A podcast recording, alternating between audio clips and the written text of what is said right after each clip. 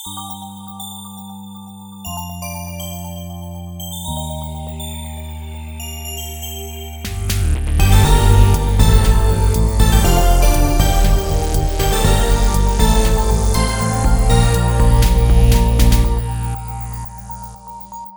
iedereen! Zoals altijd bieden wij om de week een podium aan mensen en ideeën die meer aandacht verdienen. Vandaag spreek ik emeritus predikant van de PKN en onderzoeker Kik Tras. Hij laat in zijn nieuwe boek Onuitsprekelijk Paradijs ons kennis maken met de Rooms-Katholieke Trappistenmonnik Thomas Merton, die op unieke wijze spiritualiteit en natuur samenbrengt. Nou, hallo Kik. Hoi, goedemorgen, goedemiddag. Hoi. Goedemiddag intussen al, ja. Nou, ik had nog nooit van Merton gehoord. Maar Ik kan me voorstellen, ja. Ja, maar toch uit mijn onderzoekje bleek wel, nou, hij wordt wel gezien als een van de belangrijkste monniken van de 20e eeuw. Zeker, zeker. Dan is hij dus toch wel wat belangrijker dan ik zou hebben gedacht, origineel. Zeker, zeker.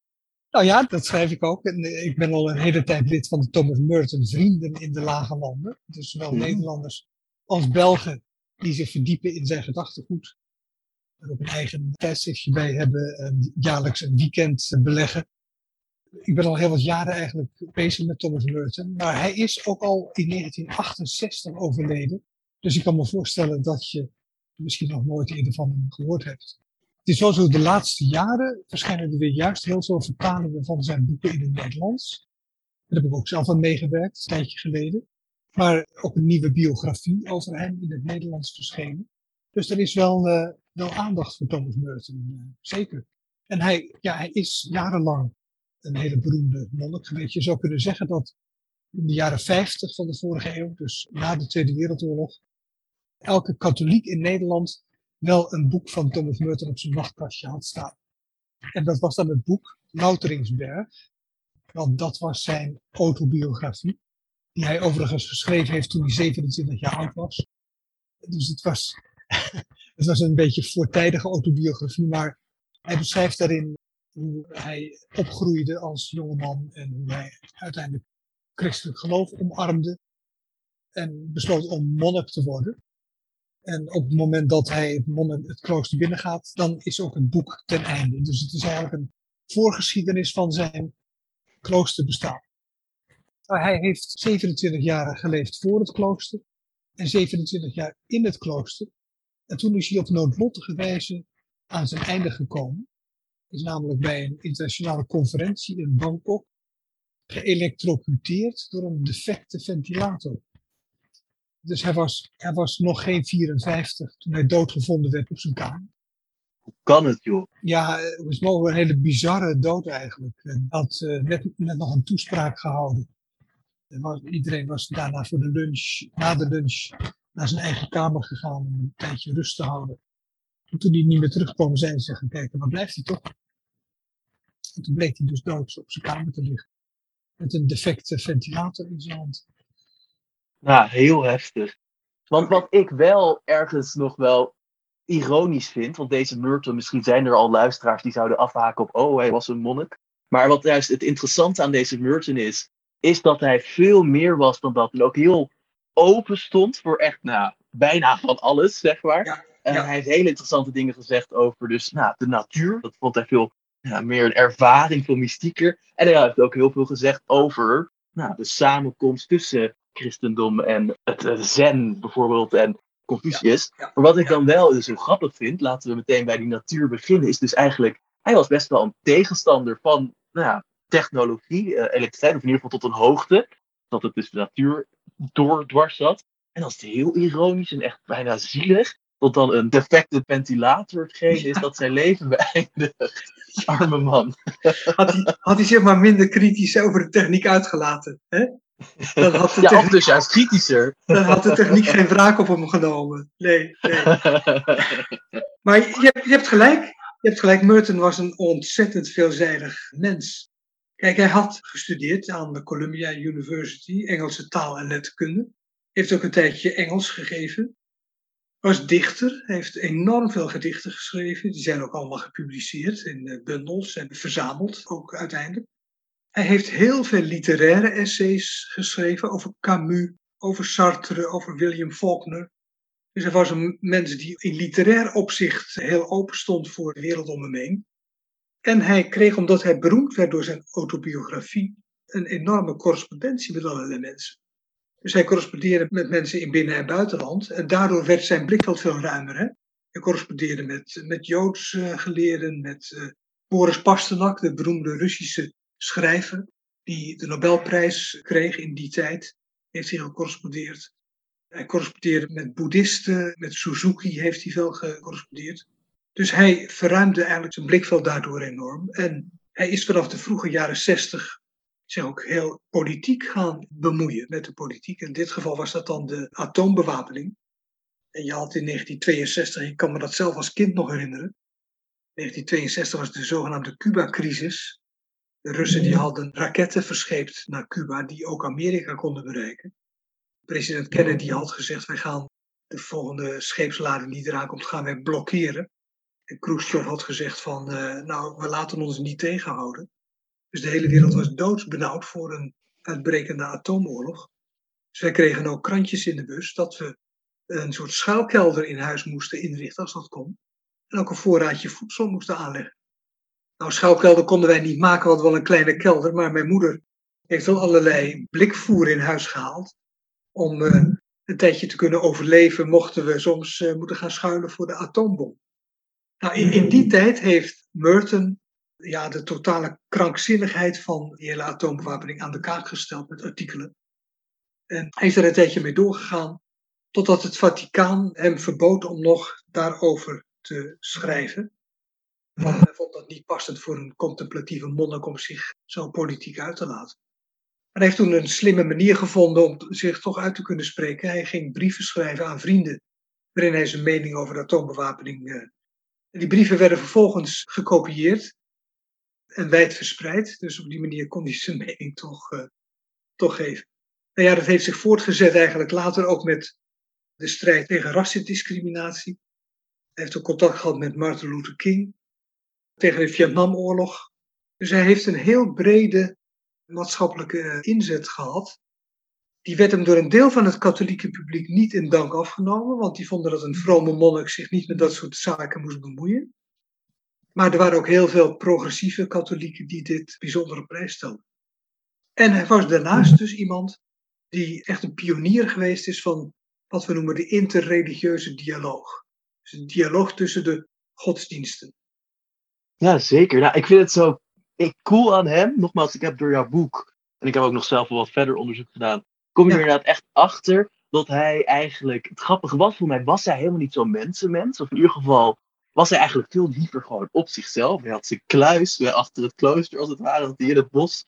Nogmaals, hij heeft dus ook heel charismatisch rond natuur. En dat hij er toch heel erg voor koos van, nou ja, dingen gebeuren waar ik niet stil over kan blijven. Dat was echt een strijder. Ja, zeker. Ja, ja. ja, weet je, ik denk dat je moet zeggen dat hij eigenlijk twee... Hij was wel echt een mensenmens. Hij was ook een heel sociaal dier, zou je kunnen zeggen.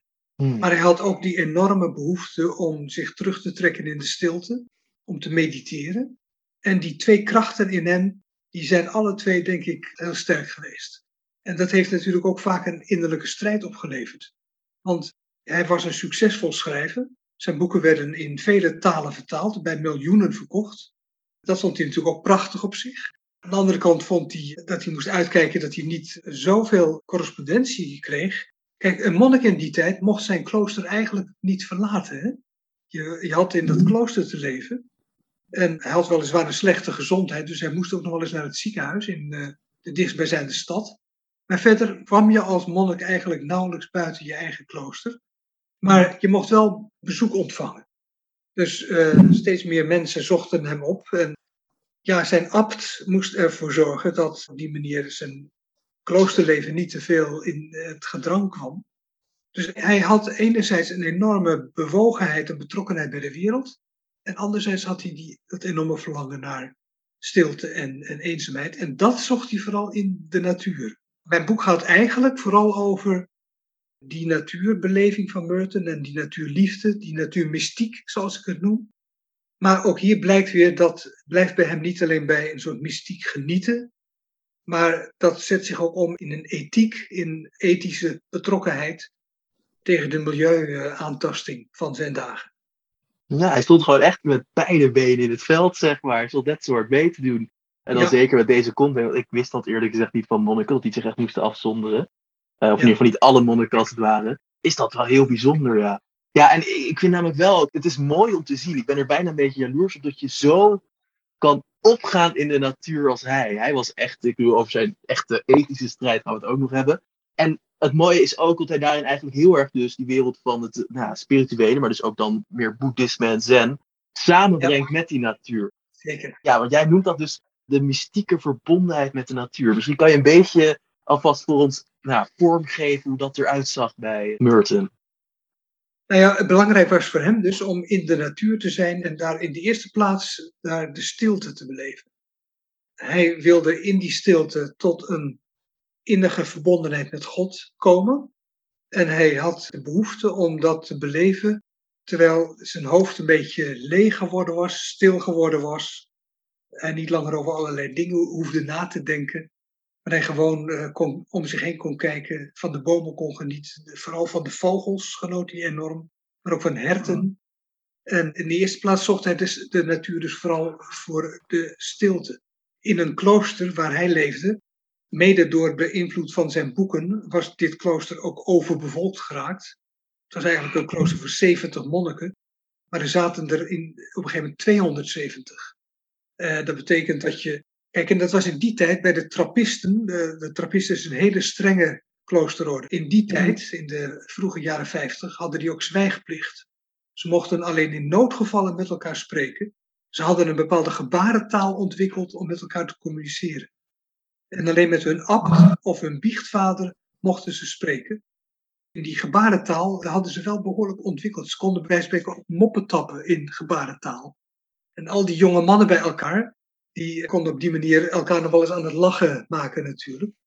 Verder waren ze dan een groot deel van de dag bezig om te bidden in de kerk. Daar mochten ze dus wel bij zingen, dus mochten ze hun stem wel gebruiken. Acht keer per dag hè, kwamen ze in de kerk bij elkaar. Dat begon al om s'nachts om twee uur. En het eindigde dus, eh, meestal s'avonds om een uur of acht, negen. En dan hadden ze verder een belangrijk deel van de dag bestond uit het doen van handenarbeid op het landgoed de oogst binnenhalen. En ze moesten studeren. Dus de oude boeken lezen. Maar dat betekent dat je altijd onder elkaar was. Zelfs bij het slapen, want ze hadden toen nog geen eigen cellen, zoals dat heet. Maar massale slaapzalen. Waar ze op stroommatrassen sliepen. Dus dat was een gigantische massale bedoeling eigenlijk. En daarom had Merton er in eerste instantie behoefte aan om gewoon aan meer privacy. En hij vond die in de natuur. De abt gaf hem toestemming om elke dag enige tijd door te brengen in een schuurtje, even buiten de muren van het klooster. En daar kon hij dan een paar uur voor zichzelf zitten. Later werd hij aangesteld als boswachter van het landgoed van het klooster. Was een heel groot stuk grond om dat klooster heen. Voor een deel werd dat bebouwd voor de landbouw, maar een ander deel was bossen. En hij moest dan het bos eigenlijk onderhouden met nieuwe jonge mannen die aankwamen. Dus hij liep vaak door de bossen heen ook om de bomen te bekijken welke moeten behandeld worden of omgehakt. Waar kunnen we nieuwe jonge bomen planten?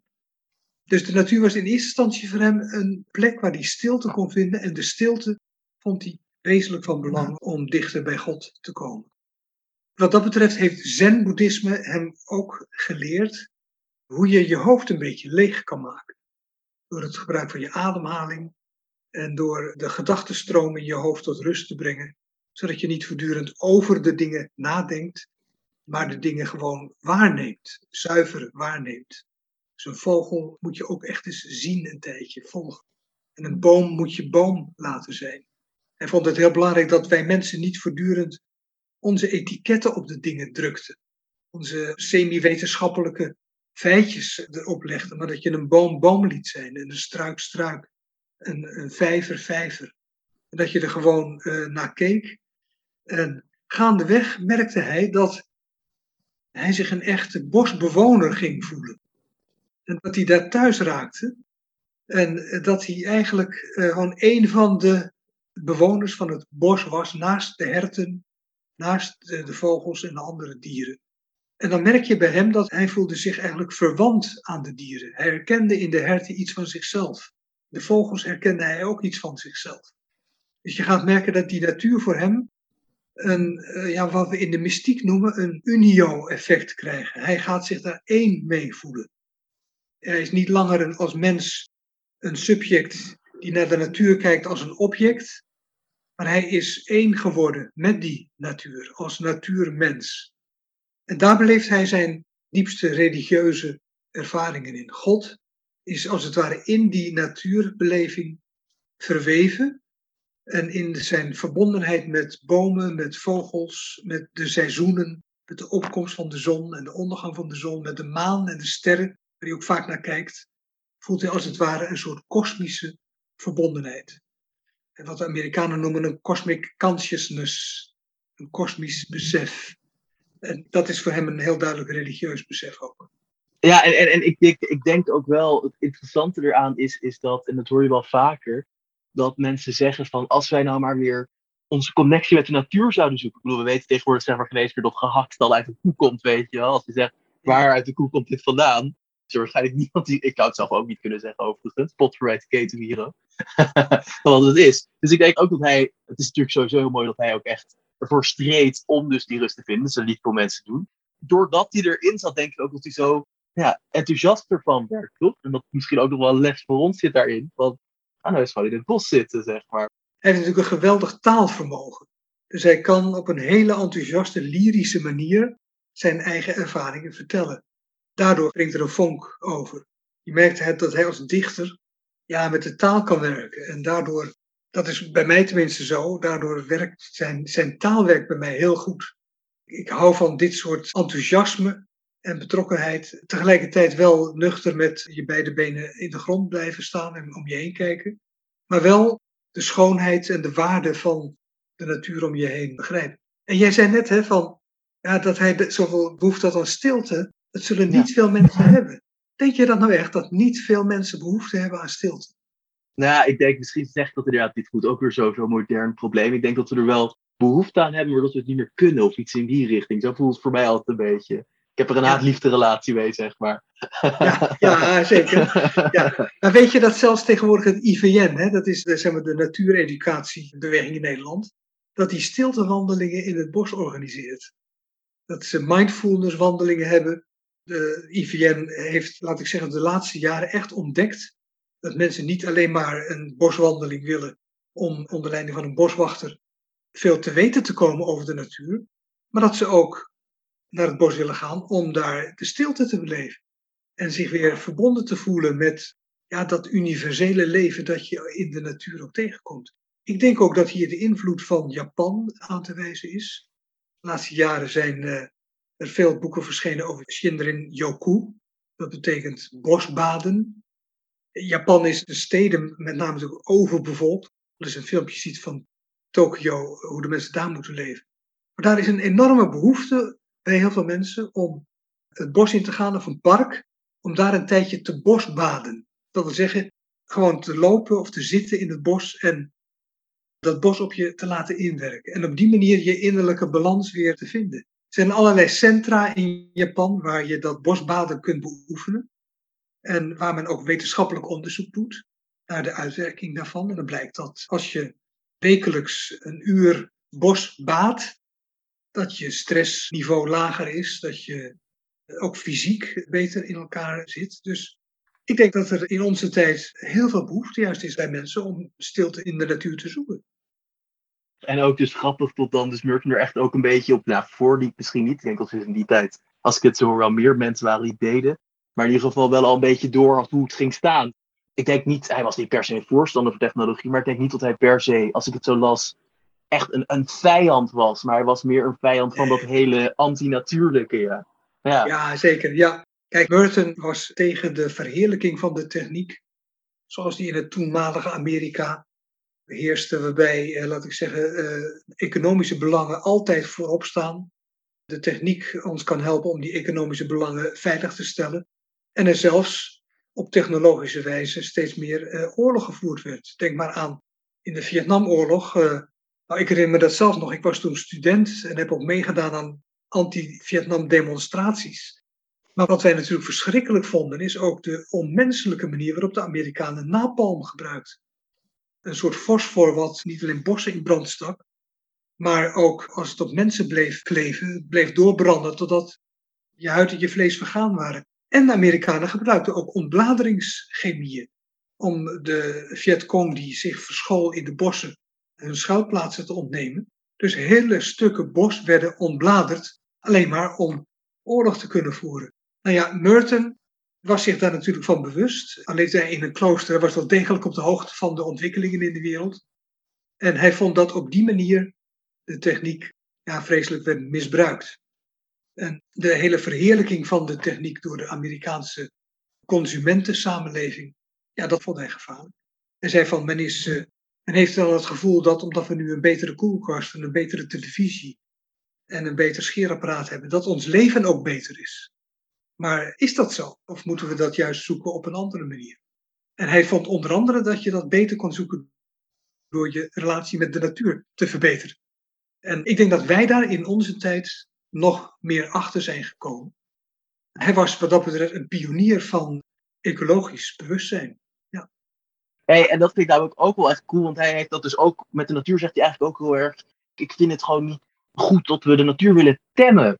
En dan gaat natuurlijk over, hij vergelijkt met de pionierstijd, dat hij ook maar, die ging dan de natuur en die maakte het van hun. En dat leidde dan ook ja, tot slachting van uh, uh, hoe heet dat ook weer? Dus Native De Americans. Indianen, ja. Ik weet niet zeker of ik het nog wel zo mag zeggen, maar het is wel duidelijk op die manier.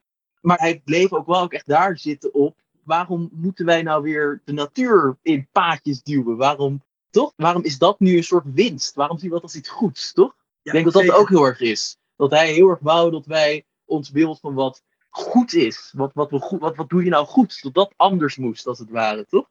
Weet je, hij stond wat dat betreft wel in een traditie van Amerikaanse natuurforschers. In mijn boek behandel ik ook van wat zijn nou de bronnen van zijn betrokkenheid bij de natuur. En dan noem ik drie belangrijke Amerikaanse voorlopers. Dat is Thoreau van Walden, John Muir, de beroemde Amerikaanse ja, reiziger door de natuur, die ook gezorgd heeft voor een aantal natuurparken in Amerika. En Aldo Leopold, ook een hele belangrijke natuurbeschermer in Amerika. En die zeiden eigenlijk in hun tijd al, we moeten zorgen dat er in Amerika ook echt wilde natuur overblijft. Waar dus de mens niet in ingrijpt, maar waar de natuur zelf zijn eigen evenwicht kan uh, bevorderen. En dat heeft er onder andere toe geleid dat die enorme hoeveelheid parken in Amerika zijn gesticht. En eigenlijk is dat vanuit Amerika ook over heel de wereld verbreid geraakt. En zijn we ook in Nederland, onze nationale parken gaan eigenlijk van datzelfde idee uit. Waarbij je de natuur helaas wel een handje moet helpen, omdat je anders onze inheemse natuur leidt onder exoten, hè, die hier heel veel soorten dreigen te verdringen. Maar zoveel mogelijk het bos, het bos laten zijn en het ook niet allemaal netjes opruimen. Maar dat zien we tegenwoordig in onze bossen, hoe natuurmonumenten en de staatsbosbeheer ermee omgaan. Laat de bomen maar omvallen en rotten, want dat zijn weer voedingsbodems voor andere diersoorten.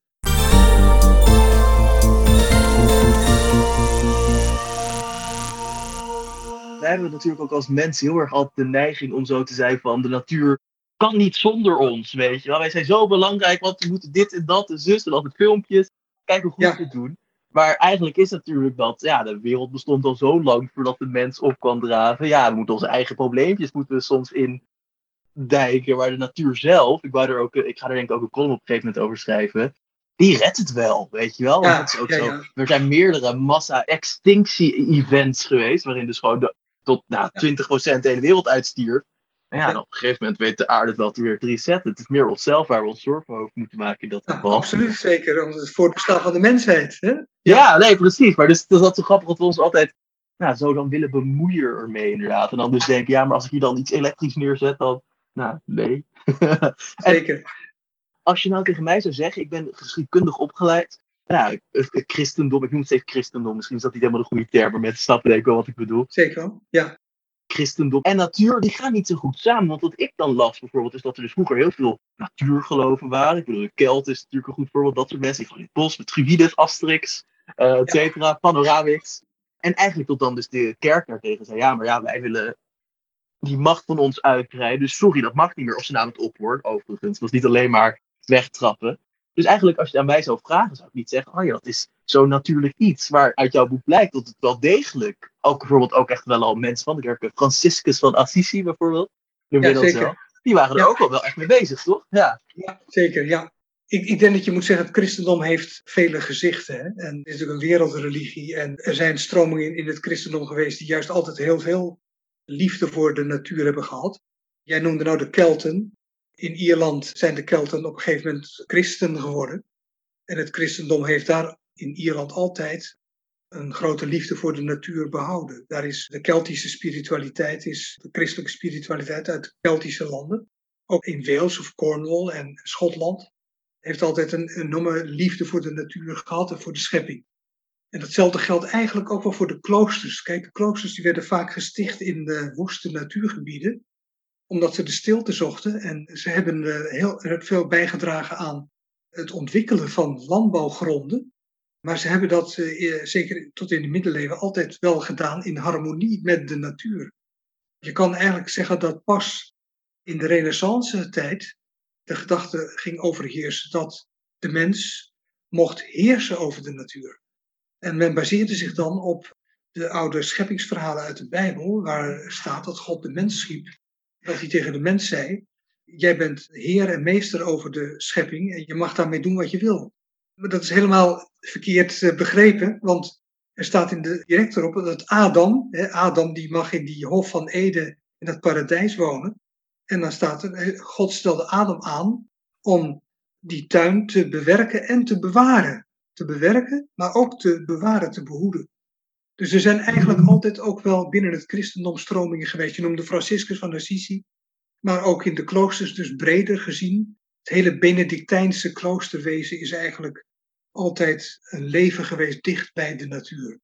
Maar er zijn ook hele stromingen geweest waarbij het geloof en het zich ontwikkelende kapitalisme ertoe geleid hebben dat de mens die natuur echt aan zich ging onderwerpen. En dan zie je natuurlijk vanaf eigenlijk het begin van de industriële revolutie dat de natuur er echt drastisch onder gaat lijden. En dan wordt dat ook verdedigd weer met een beroep op, ja maar God heeft de mens toch tot heer van de schepping gepromoveerd. Dus het christendom heeft meerdere gezichten. En je zou kunnen zeggen dat Thomas Merton heeft aangesloten bij die natuurvriendelijke stroming in het christendom.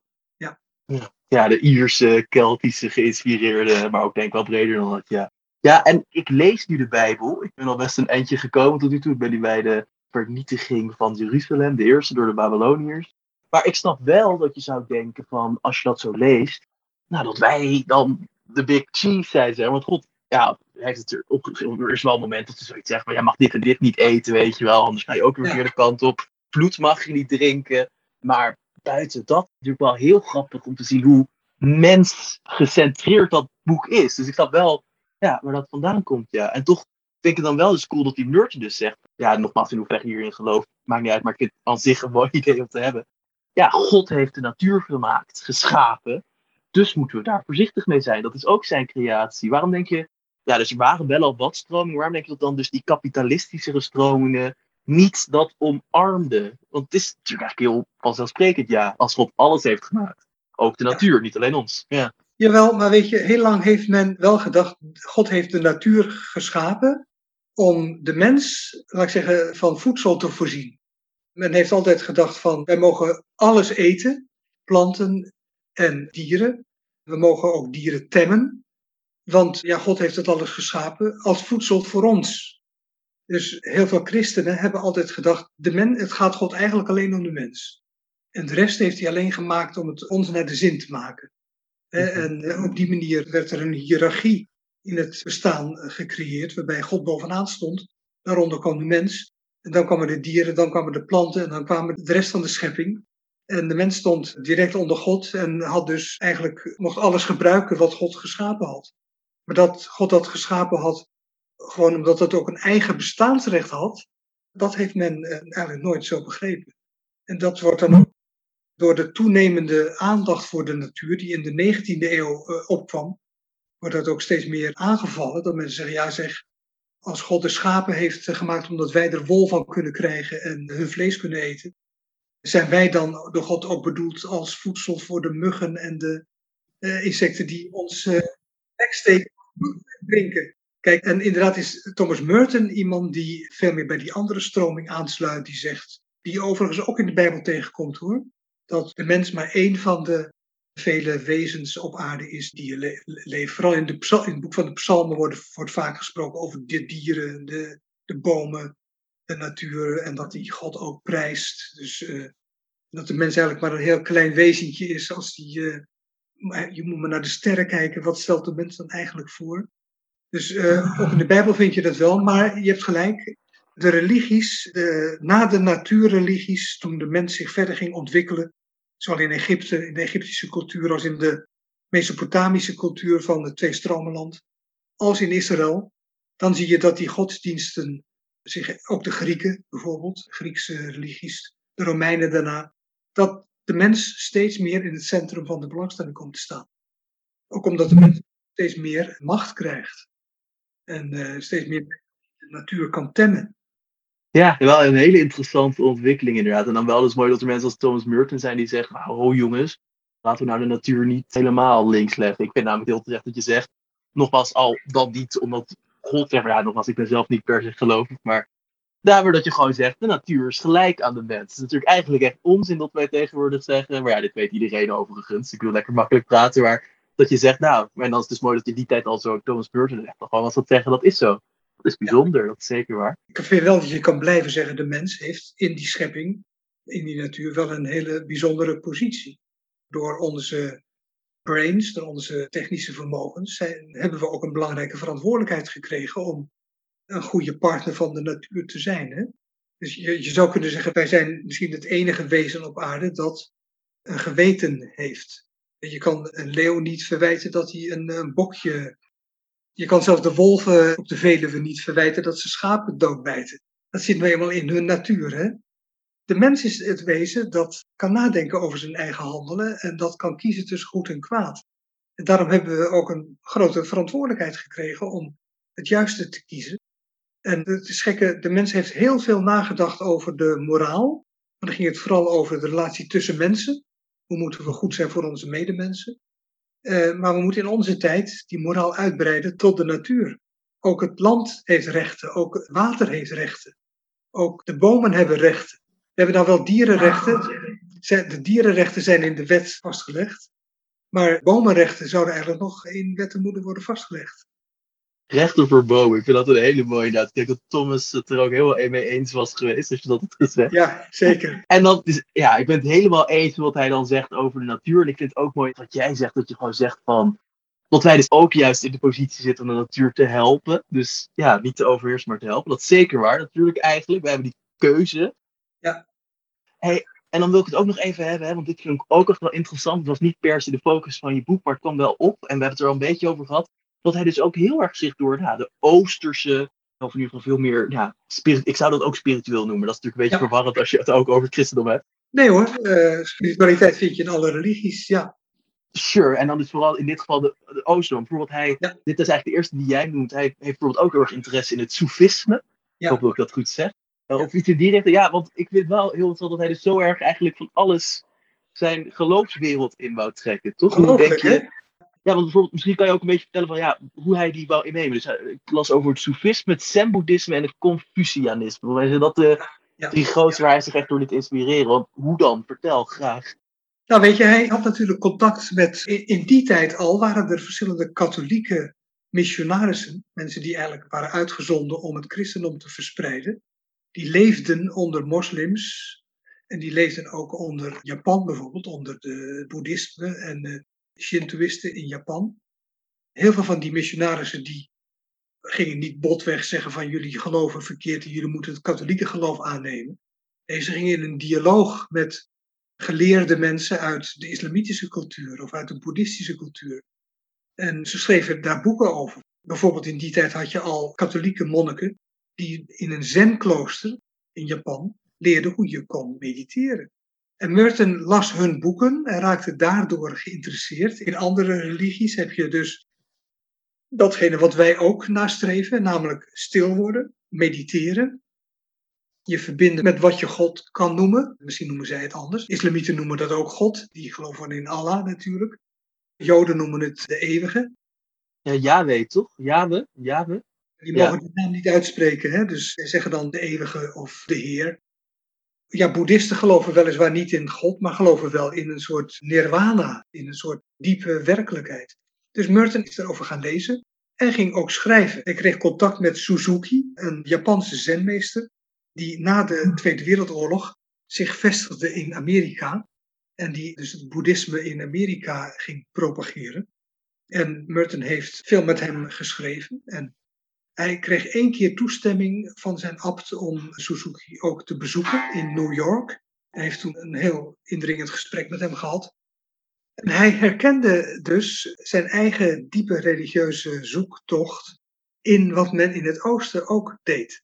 Hij zag eigenlijk zelfs het zen-boeddhisme vooral, maar ook de islamitische mystiek, het soefisme, als een soort bondgenoten tegen het gevestigde westerse christendom. Want hij vond dat het gevestigde westerse christendom zich helemaal had verkocht aan het kapitalistische Amerikaanse systeem. En vooral veel nadruk legde op het kerkelijk instituut en op de regeltjes hoe je je moest gedragen. Vooral op seksueel gebied natuurlijk, wat wel en wat niet mocht. Maar dat heel veel christenen in wezen hun ziel verkocht hadden ook aan de materiële welvaart. En hij zag eigenlijk in het oosten dat mensen daar nog veel meer leefden in een cultuur waar verstilling, contemplatie, meditatie een belangrijke rol speelde. Dus hij zag hen als bondgenoten en niet als een soort concurrenten. Van Zen-boeddhisme bijvoorbeeld leerde hij dat je heel sterk het goddelijke kon vinden in het alledaagse.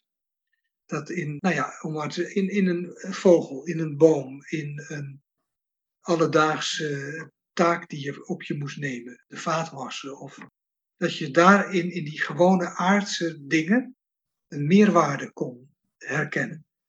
In van het leven hoef je niet te vinden in buitengewone ervaringen. Je hoeft er niet voor te gaan bungee jumpen, zal ik maar zeggen. Maar je zin van het leven ook heel goed vinden door een kopje koffie met aandacht te drinken. Dus in die zin zag hij in Zen eigenlijk een, een hele aardse vorm van spiritualiteit. En die sprak hem erg aan. En vooral omdat hij die aardse spiritualiteit ook sterk met de natuur kon verbinden. Het is natuurlijk ook wel altijd grappig dat we echt een bijna doodservaring moeten hebben als mens. Voordat wij besluiten, we gaan het anders doen. Zelfs nu ook wel met klimaat en dat soort dingen. Wij moeten nog wel even wat erger worden voordat we beslissen. Nou, nu is het tijd. Jammer genoeg. Ja, ja, en, uh, zeker. Maar dus wel mooi dat hij dan al in die tijd dus echt zo zei van. En dan dus ook echt zich door alles liet beïnvloeden van. Nou ja, ja de, de, hij zei het zelf voor mij als dat de natuur echt tot verlichting leidde, toch? Zelfs tot zover. Wat natuurlijk best wel. Uh, dat is inderdaad de, de, plek waar je echt in connectie komt met alles, met het universum, zoals je ook al mooi zei. Ja, dat is de natuur. Dus uh, ja, probeer dat ook niet ergens anders te vinden. Ja, nee, nee, ja heel mooi. Ja, ik, heel inspirerende man. Leuk om nu ook uh, via dan de podcast ja, wat meer zo iemand uit te lichten. Ik ben ook wel van plan misschien wat vaker een iets meer op persoon gerichte uh, podcast te doen. Dat is natuurlijk eigenlijk heel leuk. Ja, mag, ik, mag, mag je nog één dingetje zeggen? Aan het eind van mijn boek zeg ik dat Merton voor ons in onze klimaatcrisis en biodiversiteitscrisis ook enorm veel energie kan geven. Want we besteden vaak wel heel veel negatieve energie, is ook nodig. Denk maar aan Extinction Rebellion, die in deze dagen ook de binnenstad van Den Haag wil gaan blokkeren. Om aandacht te vragen voor het klimaatprobleem.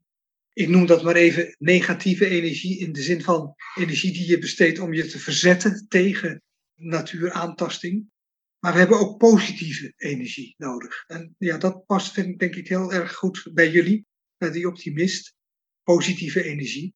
En ja, dat geeft Thomas Merton je omdat hij zo ontzettend lyrisch en enthousiast over de natuur kan schrijven. En nou ja, die positieve energie, die wens ik jou ook en uh, de luisteraars van harte toe. Die hebben we heel hard nodig in deze tijd. Nou, dat zeg je heel mooi. Echt heel erg bedankt. Jij ook. Nou, misschien ben ik ook wel toe aan een bosbad. Hoe kom jij in contact met de natuur? Laat het ons weten via redactie.tiltwins.nl of via de reacties onder ons websitebericht. Wie weet zetten we dan in het zonnetje in ons luisteraarsegment Luisteraar in beeld.